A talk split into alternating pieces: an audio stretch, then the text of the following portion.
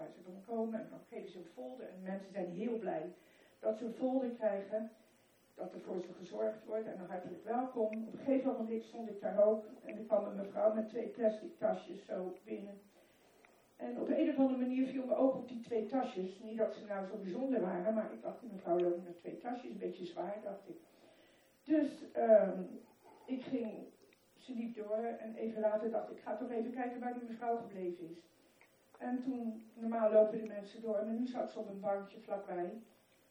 En ik had eigenlijk niet veel tijd, maar goed, ik denk, doe toch. En uh, want je moet eigenlijk naar elkaar ogen kijken. Het is daar zo druk dat je eigenlijk helemaal op elkaar ingesteld bent en alles vlug, vlug, vlug moet doen. Maar goed, ik ging toch even naar die mevrouw en toen zei ik tegen die mevrouw, hoe gaat het met u? Toen zei ze, ja, heel erg, zegt ze, want mijn dochter, die komt uit de Filipijnen. En toen liet ze gelijk de telefoon zien en er lag de dochter in het ziekenhuis. Uh, acute leukemie en 27 jaar. Dus chockerend wat ik zag in op dat plaatje. En toen zei ik, oh wat erg. Toen zei ze, ja, ik uh, werk hier 14,5 jaar. Ik weet nog geen eens wat ze deed, want dat ik eigenlijk, ik dacht, ik moet alleen even bij de kerk komen. Ik werk hier 14,5 jaar en ik ga morgen naar huis. Naar die dochter in de Filipijnen. En ik was eigenlijk zo bewogen. Ik dacht, ja, even niet aan de tijd denken.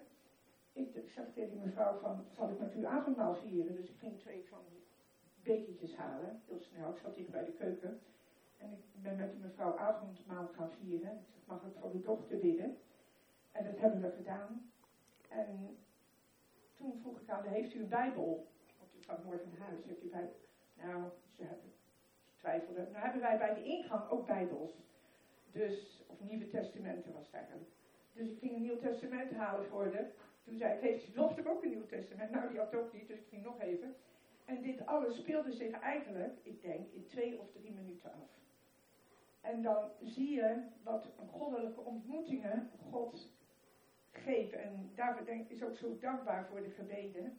Dat je weet, God leidt je soms naar iemand toe. Dat is natuurlijk ook als je hier in putten staat. En het is ook daar waar je ook bent. Dat maakt natuurlijk niet uit.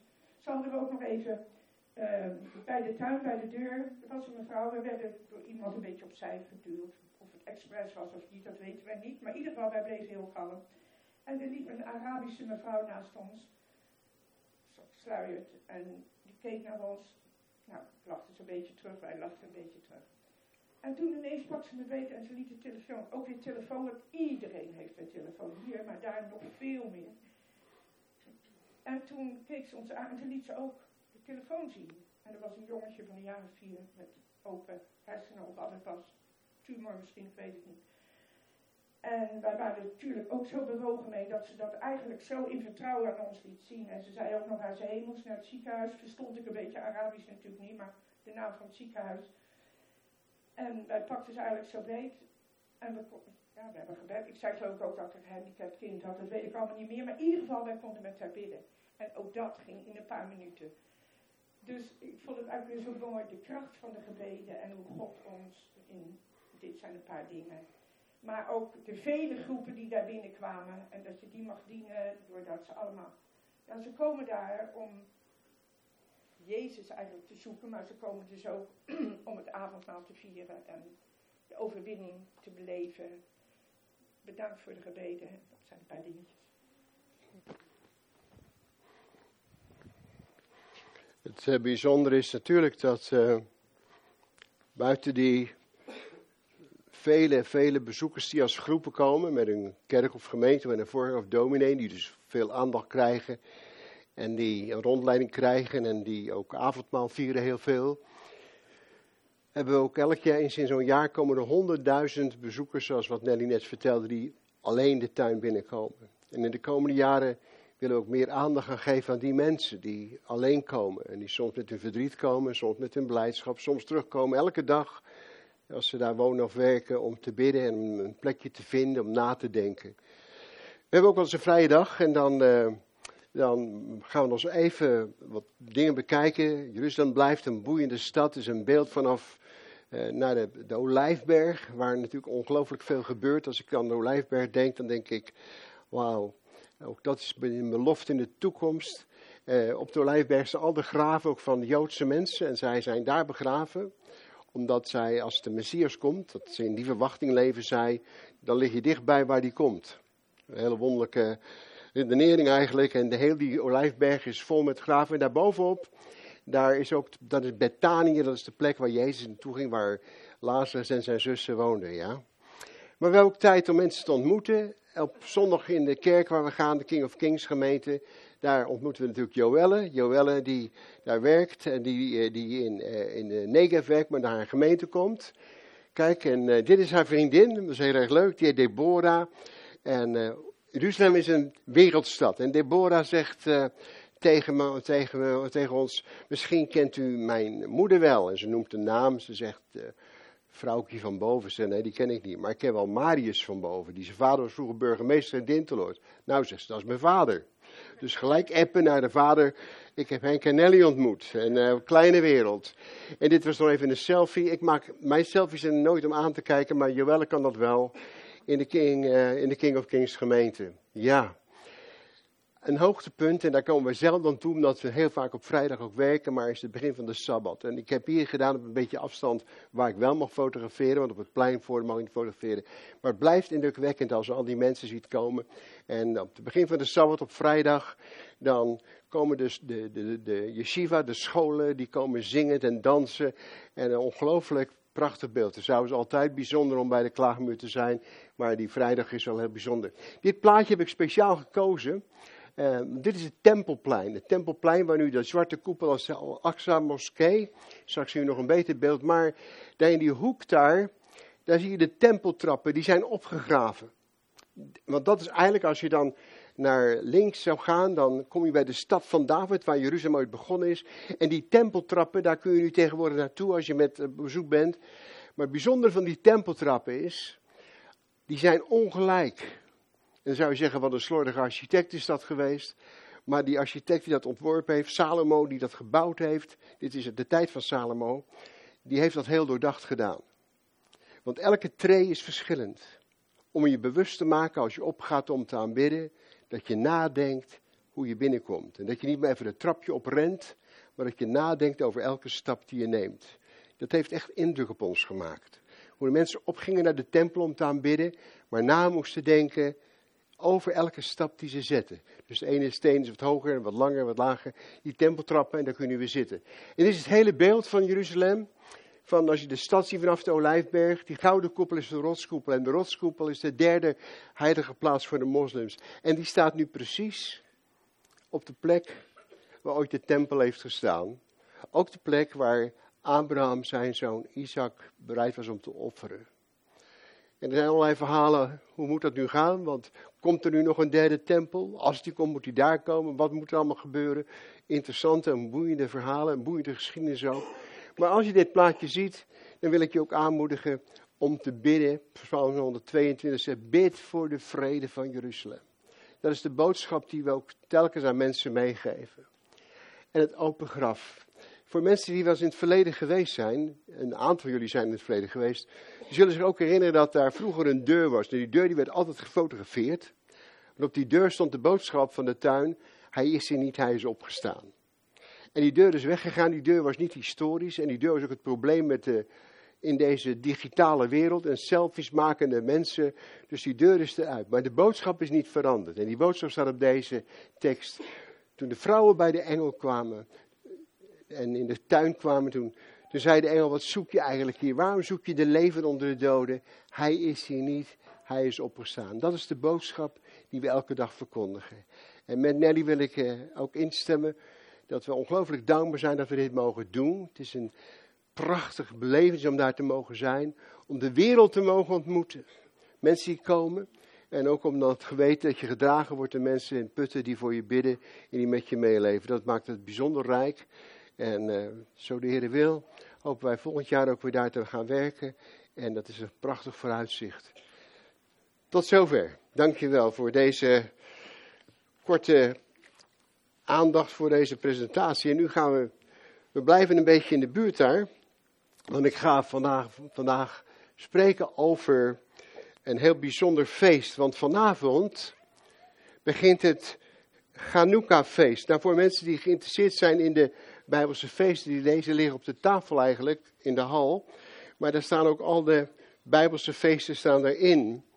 Nou, dat Hanukkah-feest is een heel apart feest. Want het is niet een van de grote Bijbelse feesten die in Leviticus genoemd worden. In Leviticus 23 wordt gesproken over de, de vijf belangrijke feesten. Het, het, het, het, het wekenfeest of Shavuot. Het Pesachfeest waar we je viert de uittocht uit Egypte. Dan is dan Rosh Hashanah, dat is de, het Joodse nieuwjaar. Dat gaat vooraf aan de grote verzoendag, de allerheiligste van alle Bijbelse feesten. Yom Kippur is dat. En dan het vijfde grote feest is het Loofhuttenfeest, het Sukkot. En dat eindigt altijd met een bijzondere dag, dus de, de vreugde van de wet. Dan begint men opnieuw met het lezen van de Bijbel. Nou, in het Jodendom zijn nog veel meer feesten. Een heleboel feesten. En feestelijke dagen, zoals ook Purim, het feest over de bevrijding van, van, van het juk. Het feest van, waar in Esther centraal staat.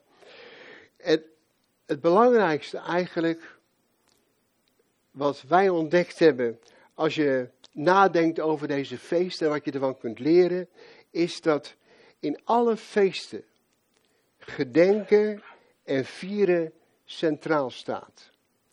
In alle feesten staat gedenken en vieren centraal. In het gedenken sta je stil bij wat er was. En dat gebeurt op een hele goede manier. Uh, ik, ik, moet u eerlijk zeggen dat uh, voordat ik Nelly leerde kennen, vond ik oudejaarsavond de vreselijkste avond van het jaar. En ik zal u ook vertellen waarom. We zaten altijd met familie bij elkaar.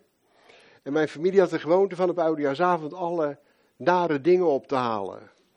Alle mensen die gestorven waren dat jaar, bijvoorbeeld. En dan zit je daar als jongen tussen.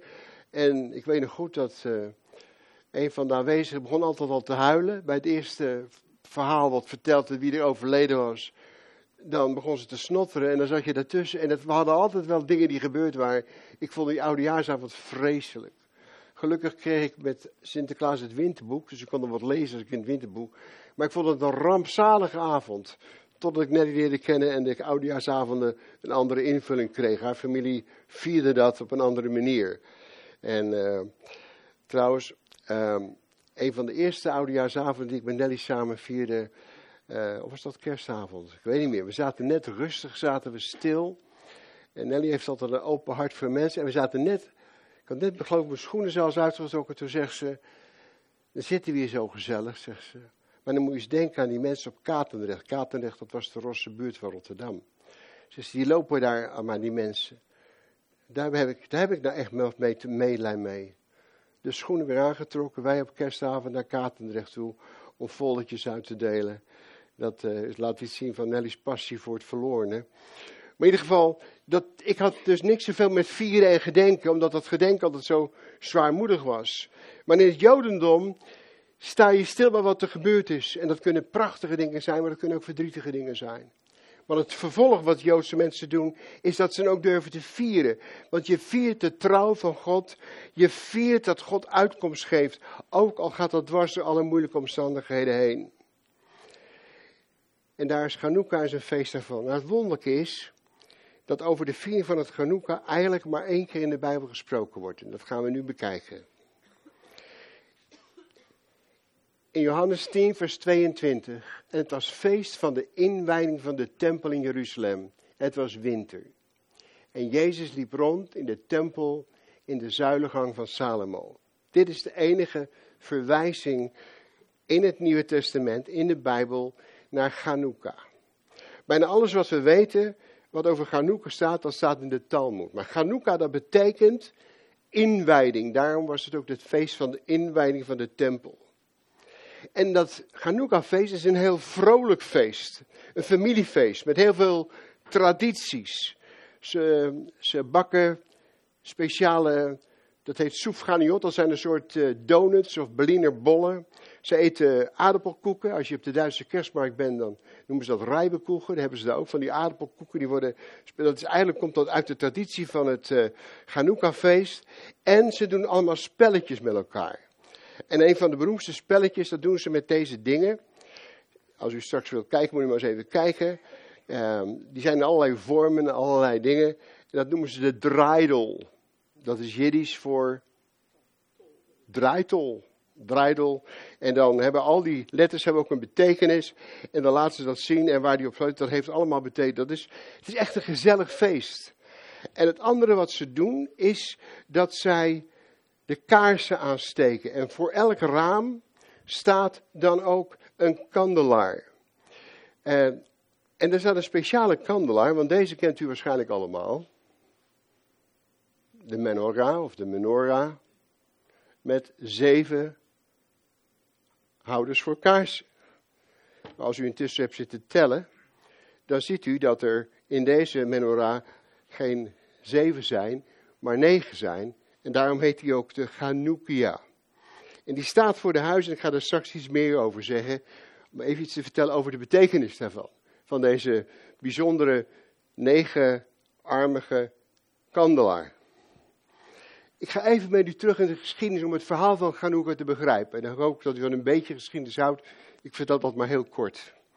In de geschiedenis van de Chanukka gaat terug naar de tijd dat het Joodse volk enorm moest lijden. En dat gebeurde eigenlijk door de eeuwen heen heeft het Joodse volk altijd moeten lijden onder omstandigheden. In het jaar 333 voor Christus veroverde Alexander de Grote, bekend uit de geschiedenisboeken, dat hele gebied daar. Hij was een Griek, had het Hellenistisch denken, het Griekse denken. En hij veroverde dat hele gebied daar van Syrië, Babylonië, wat toen de bezetter was van Israël en Egypte. En hij was een geweldig heerser. En hij vroeg aan de hoge priester, de Joodse hoge priester, ik ben zo ongelooflijk belangrijk, ik zou graag dat mijn beeld komt te staan in de tempel. Nou, daar had die hoge priester wat moeite mee, om een standbeeld neer te zetten voor een heidense keizer. Maar die sloot een compromis. Joodse mensen zijn vrij goed in het vinden van uitweg. En hij zei, laten we het nou zo oplossen. Laten we nou een soort levend getuigenis van je maken. Laten we nou alle eerstgeboren jongetjes noemen we Alexander. En dat vond die Alexander de Grote best een goed idee. Dus die heeft verder niks gedaan. Die was in principe vrij goed voor het Joodse volk. Maar 100, ruim 100 jaar later kreeg hij een opvolger. En die man die heette Antiochus.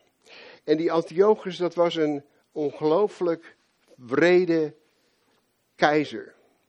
Het was eigenlijk Antiochus de vierde voor de belangstellenden. Die begon de Joden te vervolgen. Hij verbood de studie van de Torah. De Torah-studie staat het hart van het Joodse volk, nog steeds.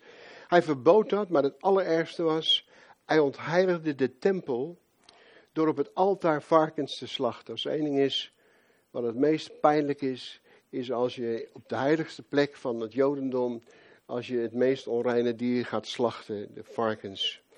Ja, dat was een, vreselijke man. Hij had een aantal bijnamen en de Joden noemden hem de gek. Het was een dwaas van een man. Het was een verschrikkelijke man, die Antiochus. En onder dat bewind moesten zij leven. En onder dat bewind kwam er een opstand. Een opstand. En die kwam eigenlijk vanuit een geslacht van uh, priesters ook. En het was familie van de hoge priester. En dat waren de Maccabeeën. Uh, voor degenen die wel eens Bijbelstudie doen naast onze boeken, de kanonieke boeken in de Bijbel, heb je ook de apocryfe boeken. Daar vind je ook de boeken van de Maccabeeën. De geschiedenis van de Maccabeeën, die komen uit de buurt van Jeruzalem, uit de plaats Modi'im. En uh, die Maccabeeën die werden zo woest over wat er gebeurde in de tempel, dat die tempel ontheiligd werd, dat die kwamen in opstand. En hun leider was Judas Maccabeer en uh, zijn bijnaam was de Hamer. Nou, dat vind ik wel mooi. Uh, daar kun je wel een klein beetje bij voorstellen. Die liet het er niet bij zitten. En zij slaagden erin om, het, om de vijand te verjagen. Zij slaagden erin om het land te bevrijden. Maar toen kwamen ze bij de tempel. En in die tempel die verontreinigd was. Die tempel die moest opnieuw ingewijd worden. Dat was ook het feest wat Jezus ging vieren. Die moest opnieuw ingewijd worden. Maar er was een probleem, want in de tempel brandde altijd de zevenarmige menorah, de grote menorah, zoals er trouwens nu alleen in Jeruzalem staat, die bedoeld is als die, als die derde tempel er komt om daar neer te zetten. Maar die, voor de olie van die kaarsen werd altijd een speciaal soort olie gebruikt. Dat was gezuiverde olie. En die gezuiverde olie die was op, die was ook weg. Die vijand had er van alles mee gedaan. Dus er was geen olie genoeg. En dan vertelt de Talmud wat er gebeurt. Dan vinden ze in de tempel nog een heel klein beetje olie. Maar wat eigenlijk maar geschikt is voor één dag. En dan zetten ze die olie, die, zetten ze die kaars, die zetten ze aan. En die kaars blijft, die kaarsen blijven acht dagen branden op die olie. Dat noemen ze het wonder van Chanukka. Het wonder wat er gebeurde van de olie. En dan, dan blijft dat branden en dan maken ze er ook een feest van, van acht dagen om dat wonder te gedenken. En daarom wordt dat feest gevierd. En daarom heeft die Chanukka acht armen plus één. Ik ga er straks over die één nog iets vertellen. Kijk, die ene, dat is eigenlijk een losse. Bij deze kandelaar, ook een Chanukka, je kan, uh, daar staat hij erachter. Maar deze heeft een speciale betekenis. Uh, er zijn geen verdere voorschriften voor. Wel hoe die aangestoken moet worden op die feestelijke dag. Maar ze komen in allerlei vormen. Heeft u misschien wel eens deze gezien op de Pinksterconferentie? Dat is de menorah. Maar zo'n menorah kun je ook veranderen. Want zo stond hij voor het Vredespaleis. Toen was de menorah een Chanukkia geworden. En vandaag brandt deze Chanukkia, deze Chanukkia, die staat in Sederot. Sederot is het gebied wat steeds onder de dreiging zit van de raketten ook. En als een symbool van dat gelovige christenen uit Nederland verbonden zich weten met het Joodse volk, staat deze Chanukkia, die staat nu in Sederot. Als een symbool van de overwinning over de duisternis. Want dat is eigenlijk de kern van de boodschap, daar kom ik straks nog op terug. Nou, het wonderlijke van die geschiedenis in, van, in Johannes 10, we hebben net dat stukje gelezen waar Jezus daar komt. Dan gaat Jezus verder. En ik heb de tekst voor u uitgeprint. En die staat op het scherm. Ik ben niet zo hele sterk, maar volgens mij staat dit er goed op. Kijk, ja. In Johannes 10 gaat dat verhaal verder. Dan staat er, de Joden dan omringden hem en zeiden tegen hem, dat was dus toen Jezus in die zuilengang van Salomo liep, hoe lang houdt u ons in het onzekere? Als u de Christus bent, zeg het ons vrij uit. En Jezus antwoordde hun, ik heb het u gezegd en u gelooft het niet. De werken die ik doe in de naam van mijn Vader, die getuigen van mij. Maar u gelooft niet, want u bent niet van mijn schapen. Zoals ik u gezegd heb, mijn schapen horen mijn stem en ik ken ze en ze volgen mij en ik geef hun eeuwig leven. En ze zullen beslist niet verloren gaan in eeuwigheid en niemand zal ze uit mijn hand rusten, rukken. Mijn vader, die hen naar mij gegeven heeft, is meer dan allen en niemand kan hen ooit uit de hand van mijn vader rukken. Ik en de vader zijn één. En dan gebeurt er iets dramatisch. De joden dan pakten opnieuw stenen om hem te stenigen. Laat dit maar even staan, Fred, als je wil. Onvoorstelbaar. Jezus die gaat naar Jeruzalem. Hij viert dat feest van de, de tempelinwijding, dat Chanukka-feest, dat viert hij. En dan zeggen de Joden, hoe zit het nou eigenlijk? Ben je het nou werkelijk ja of nee? En dan, dan komt er eigenlijk een stukje wat ik best ingrijpend en ook soms verdrietig vind. Dat veel van die Joodse mensen, heel veel van die Joodse mensen, ook nu nog, geen kennis hebben of het verwerpen dat Jezus de Messias is. En dan zegt Jezus dit. Hij zegt wat er gebeurt. Dan zegt Jezus, ik heb het al gezegd, maar jullie geloven het niet. En dat komt dat jullie mijn schapen niet zijn. Want die mij horen mijn stem en ik ken ze en ze volgen mij. En ze hebben ook nog het eeuwig leven. Ik denk vandaag de dag is dat een boodschap die zomaar ook zou kunnen klinken in deze tijd. Dat mensen het wel horen en het niet grijpen. Omdat ze geen deel zijn van die kudde van de Heer Jezus. En we gaan allerlei wegen, we doen allerlei dingen en we doen allerlei dingen eromheen. En ik vind dat je deze tijd van het jaar moet gebruiken, omdat het is maar er heeft zoveel niks mee te maken waar het werkelijk om gaat. En dat zult u ongetwijfeld bemerken en zien.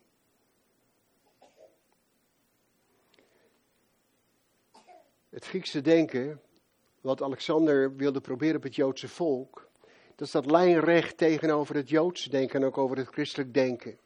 Want in dat Griekse denken staat de mens centraal. Als Rotterdammer, we waren afgelopen vrijdag in Rotterdam om vrienden te bezoeken. En uh, Rotterdam stond helemaal in het teken van het uh, sterven van Jules Deelder. En hij was een beroemde Spartaan, een fan van Sparta. Ik weet niet of u de beelden gezien hebt, maar ze hebben, uh, Sparta heeft een stadion, heet het Kasteel, heel een beetje nostalgisch. En er hing een groot spandoek boven dat, dat de ingang van het stadion toch al veel leek op de hemelpoort. hemelpoort. Een verwerpelijk denken, denken van het menselijk denken. En waarin de mens verheerlijkt wordt, de mens centraal staat. Terwijl in het Jodendom God centraal staat. En in ons geloof het kennen van God door Jezus Christus zijn Zoon. Dat Griekse denken, dat staat daar lijn tegenover, lijnig tegenover.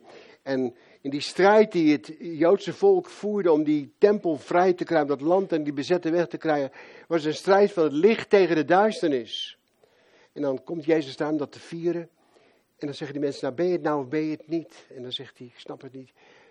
Nog begrijp je het niet. En nog wil je me stenigen. Omdat je niet bij mijn kudde hoort. Omdat je niet tot mijn schapen hoort. Mijn schapen, die kennen mijn stem. Het is toch ongelooflijk dat je dankbaar mag zijn als je een kind van God bent. Dan, dan ken je de stem, dan, dan hoor je bij de kudde. U en ik, wij mogen door genade zijn schapen zijn. En dat betekent dat we zijn stem horen. Dat hij ons kent en we mogen hem volgen. De vierde zondag van Advent, daar zegt Jezus dit.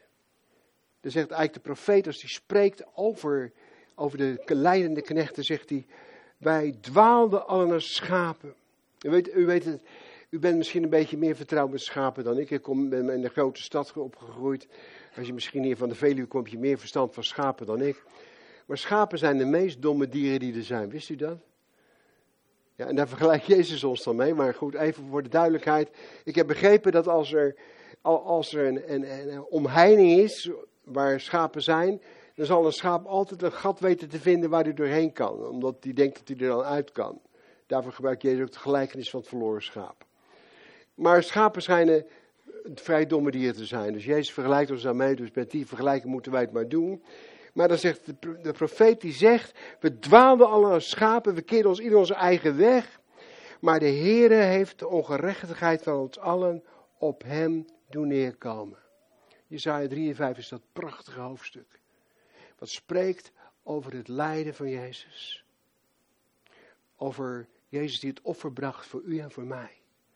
Het was een profetische uitspraak in de tijd toen Jezus kwam, maar het is nog net zo reëel vandaag. Want heel wat mensen om ons heen dwalen als schapen. Als, als de bus er staat van de week, moet ik vaak denken, als Jezus bewogen is over de mensen, die zijn als schapen zonder herder. Mensen die misschien wel religie hebben, of misschien geen religie hebben, maar denken dat het alleen maar is in materie. Of die alleen maar in dat, Griekse denken, denken met zichzelf bezig zijn. Zonder Jezus heb je niks. Ik heb ooit zijn kerstkaart. Zonder Jezus is je kerst mis.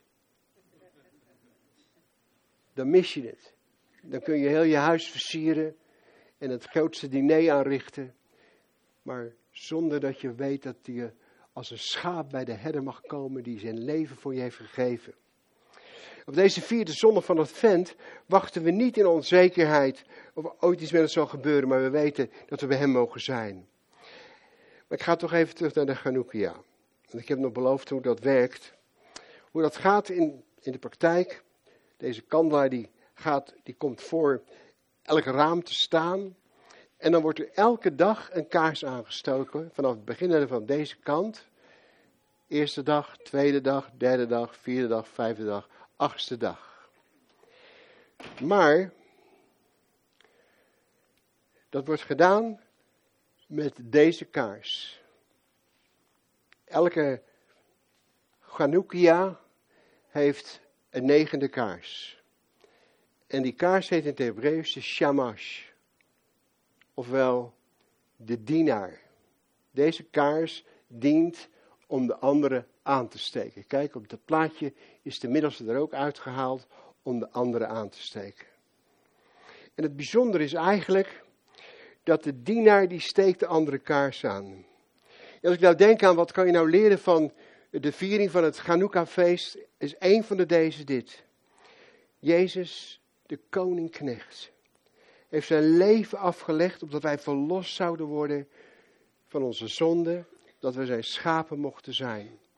In de Messiaanse viering van de Chanukka, van het Chanukka-feest, het aansteken van de Chanukka, wordt daar ook bij stilgestaan. Dat Jezus een dienaar gekomen is. Om voor ons de weg te gaan. Heel de weg te gaan. Chanukka is het feest van de overwinning over de machten van de duisternis. Zoals die Judas de Maccabeer met zijn maten de tempel reinigde en de duisternis verbrak en het offer opnieuw herstelde en de eredienst opnieuw herstelde. Zo is eigenlijk datgene wat we van kunnen leren.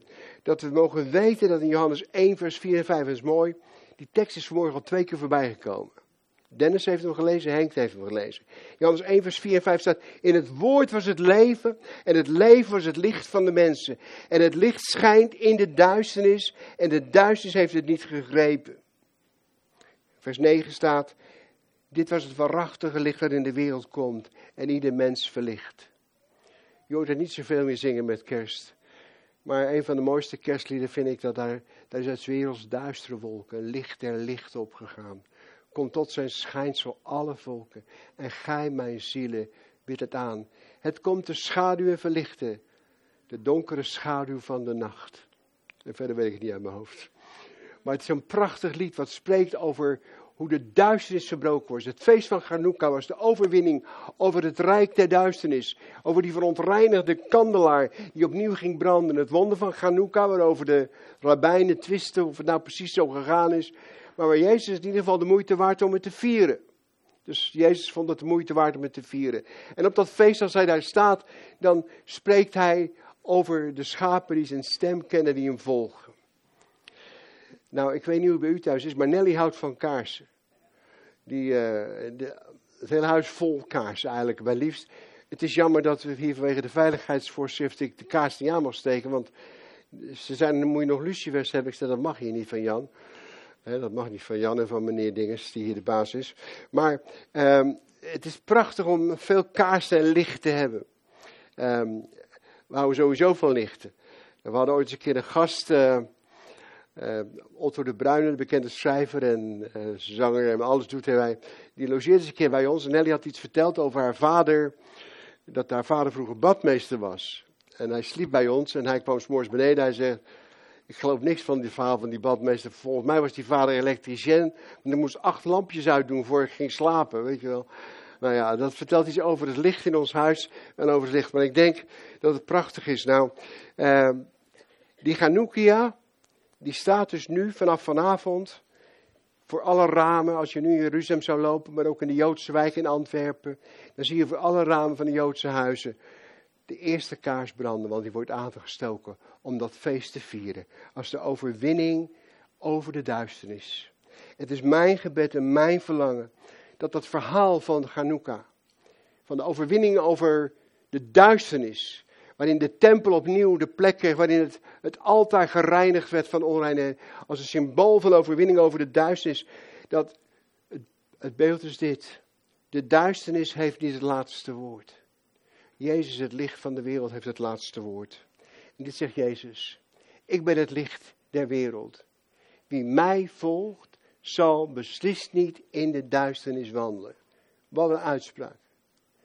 Dat zou eigenlijk met elkaar moeten proclameren, want het is zo goed. Er staat, ik ben het licht der wereld. Wie mij volgt, zal beslist niet in de duisternis wandelen, maar zal het licht van het leven hebben. Dat zegt Jezus. Dat is zijn boodschap. Dat is één ding wat wij verlangen met elkaar. Dat met kerst zal leven in onze harten.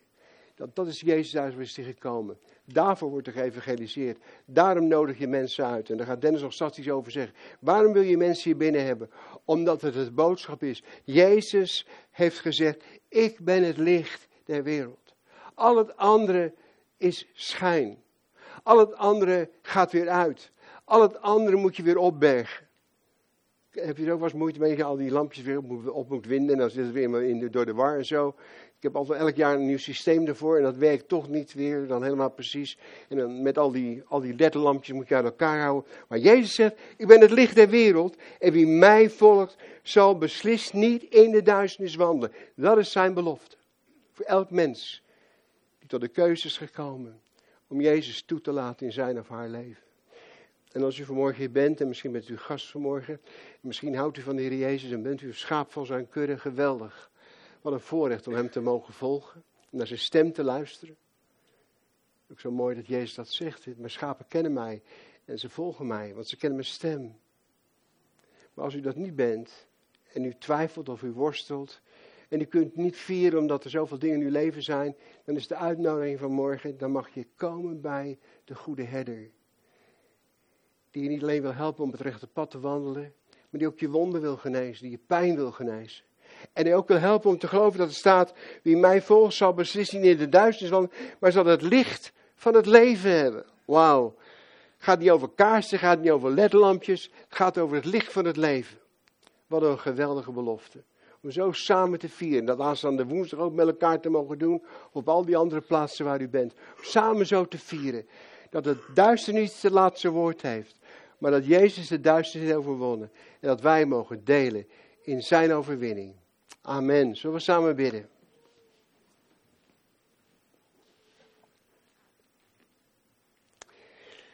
We hebben er vanmorgen van gezongen. En we getuigen ervan. Die Simeon en Anna die moesten nog uitkijken naar de gebeurtenis die nog moest plaatsvinden. Alles moest nog gebeuren toen de Messias kwam. Wij mogen leven in de zekerheid dat u gekomen bent, Jezus, en dat we niet hoeven te wachten. Maar dat we mogen leven in die verwachting, die levende hoop. Dank u wel dat u onze herder bent. Dank u wel dat toen wij dwaalden schapen, u ons gered hebt, verlost hebt. En dat we er mogen luisteren naar uw stem. En dank u wel, Jezus, dat u bent gekomen.